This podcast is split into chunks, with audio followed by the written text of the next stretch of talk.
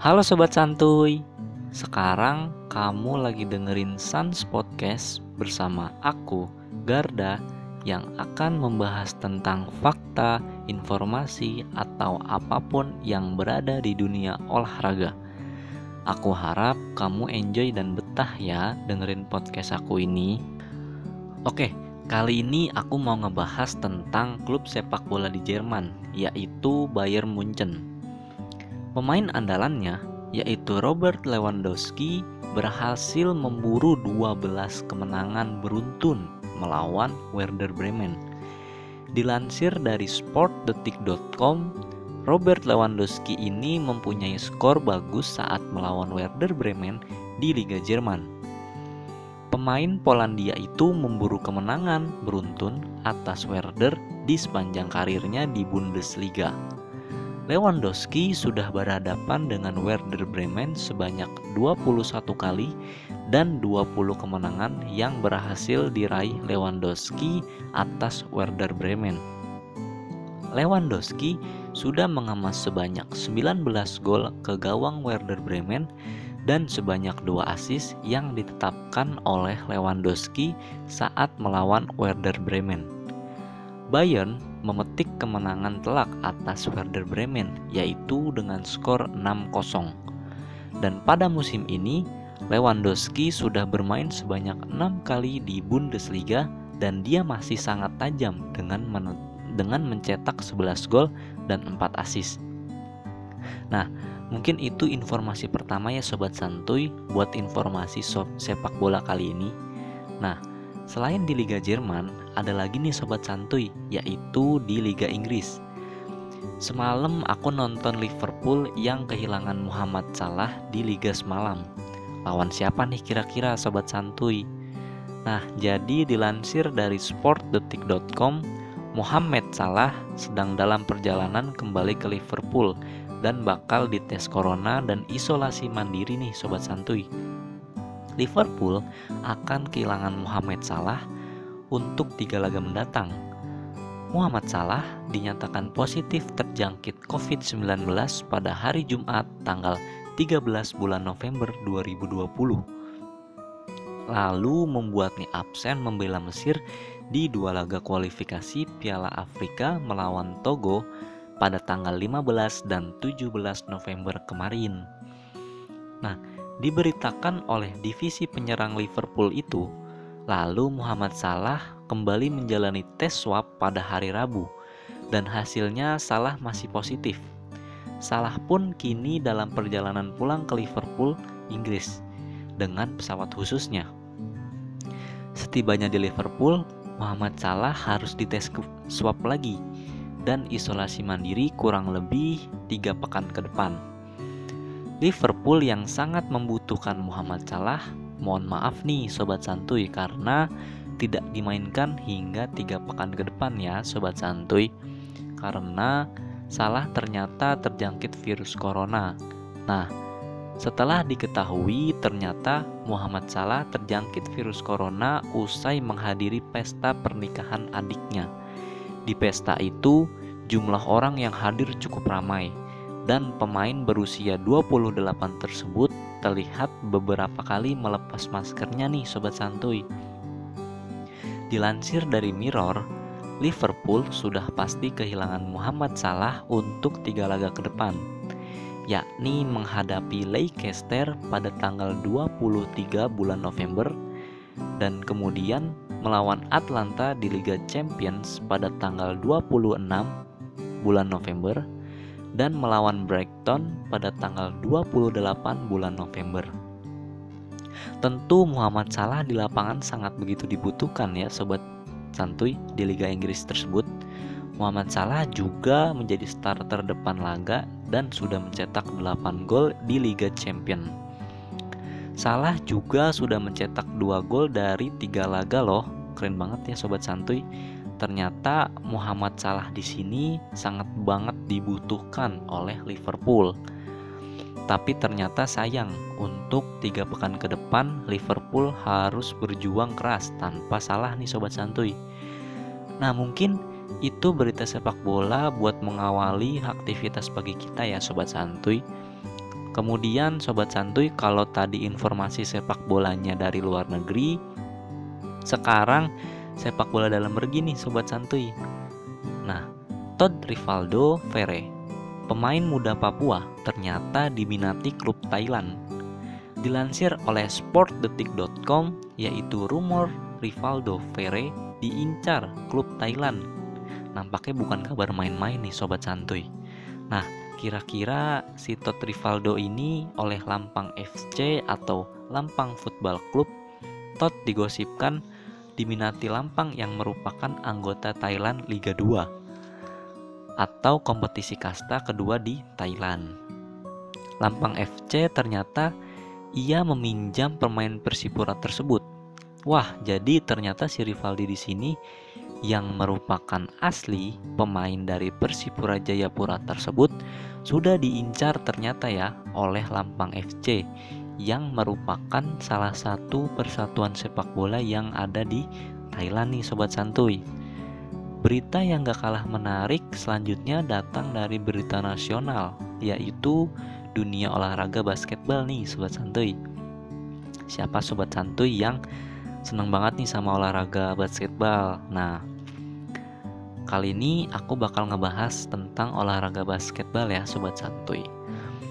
Dilansir dari detiksport.com, daftar 12 pemain timnas Indonesia di kualifikasi FIBA Asia Cup 2021. Perbasi telah menetapkan 12 nama pemain yang akan tampil di kualifikasi FIBA Asia Cup 2020 di Bahrain akhir November. Siapa aja nih sobat santuy kira-kira? Bagi sobat santuy yang gemar atau yang suka sama olahraga olahraga basket satu ini mungkin udah pada bisa menduga kali ya siapa aja yang bakal ikut ke kualifikasi FIBA tersebut. Nah, Indonesia telah memastikan akan bertanding pada lanjutan kualifikasi grup A Piala Asia 2021. Menuju itu, skuad Rajko Toroman telah mempersiapkan diri sejak pertengahan Agustus lalu. Kini menjelang laga bergulir, timnas Indonesia pun dari nama-nama pemain yang terpilih sebagiannya merupakan nama atau yang pernah memperkuat di Windows pertama, yakni Abraham Damar Grahita, kemudian Andakara Prastawa, lalu Arki Dikania Wisnu, lalu Vincent Rivaldi Kosasi, kemudian ada Hardianus Lakudu, serta Kevin Yonas Sitorus, sedangkan sisanya merupakan pemain baru yaitu Govinda Julian Saputra, Widyanta Putra Teja, Agassi Guantara, Juan Lauren Kokondi Putra, dan tak ketinggalan dua pemain naturalisasi yaitu Brandon Jawato beserta Lester Prosper Nah, jadi cuma ada 12 pemain aja nih sobat santuy yang bakal ikut ke kualifikasi FIBA di Bahrain akhir November. Jadi kira-kira sobat santuy ada nggak tuh penggemar sobat santuy yang ikut dalam FIBA kualifikasi tersebut? Nah mungkin itu informasi seputar basketball yang ada di Indonesia ya sobat santuy. Selanjutnya siapa sih yang nggak kenal sama pebulu tangkis nasional yaitu Anthony Sinisuka Ginting. Ternyata pembulu tangkis tersebut menyimpan ambisi yang sangat kuat untuk menjadi juara di Olimpiade. Dilansir dari Olympic Channel, juara Indonesia Master 2018 itu buka-bukaan soal mimpinya menjadi pemain hebat. Hal itu pun ia ingin buktikan di masa-masa sekarang. Masih banyak tujuan saya di badminton yang belum tercapai saya masih punya banyak kesempatan. Saya ingin juara di Asian Games dan Olimpiade, kata Anthony. Anthony Ginting menjadi salah satu andalan Indonesia di sektor tunggal putra bersama Jonathan Christie atau Jojo. Juara Indonesia Master 2018 itu berada di peringkat 4 race di Tokyo BYF Olympic Qualification. Dengan kata lain, Jalannya untuk tampil di Olimpiade sebenarnya sudah cukup lapang. tinggal mengasah mental agar target tidak menjadi bumerang. Olimpiade tersebut akan berlangsung di Tokyo pada tanggal 23 Juli sampai 8 Agustus 2021. Jadwal itu mundur setahun karena dunia mengalami pandemi corona. Jika saja multi event terbesar, terbesar sejagat raya itu benar-benar jadi digelar, maka akan memberi pengalaman tersendiri nih bagi yang berhasil menjadi juara. Selain merebut medali emas, kalau saya bisa dapat emas olimpiade pasti sangat-sangat berarti bagi saya. Bukan hanya saya, pasti pemain lain sangat memimpikan dan menginginkan juara di olimpiade. Kita sama-sama berjuang untuk mendapatkan medali emas, kata Anthony, jika mimpinya tersebut terwujud.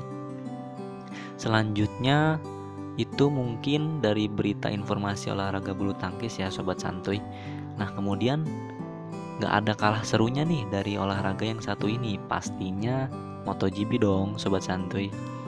Semalam aku malam mingguan di rumah sambil nonton MotoGP kualifikasi loh sobat santuy.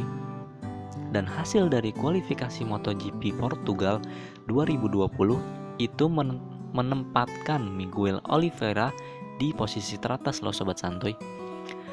Rider Portugal itu pun berhak start terdepan di balapan kandangnya. Sedangkan Juan Mir, si juara motor GP 2020 ada di posisi ke-20 sobat santuy di sirkuit Autodromo Internasional do Algarve Portimao. Waduh, namanya sirkuitnya susah banget ya sobat santuy. Sejumlah rider harus menjalani sesi kualifikasi satu agar bisa menembus kualifikasi 2 demi bersaing merebut posisi-posisi terdepan.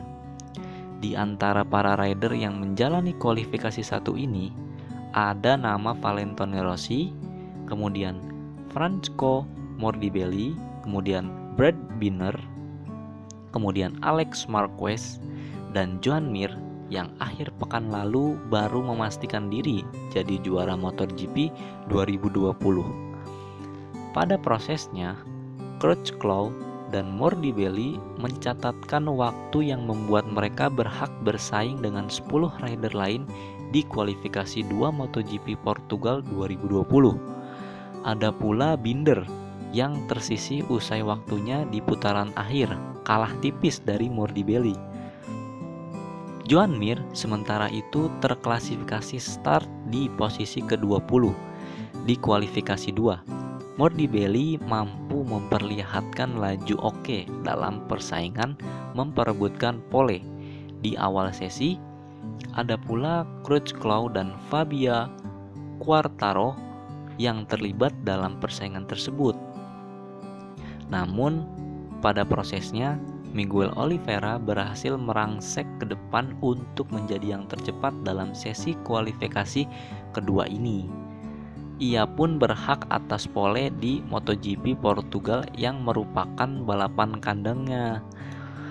Selain itu, MotoGP Portugal 2020 ini dipastikan akan tetap berlangsung sengit sebab bakal ada beberapa pembalap mengincar kursi runner up musim ini loh.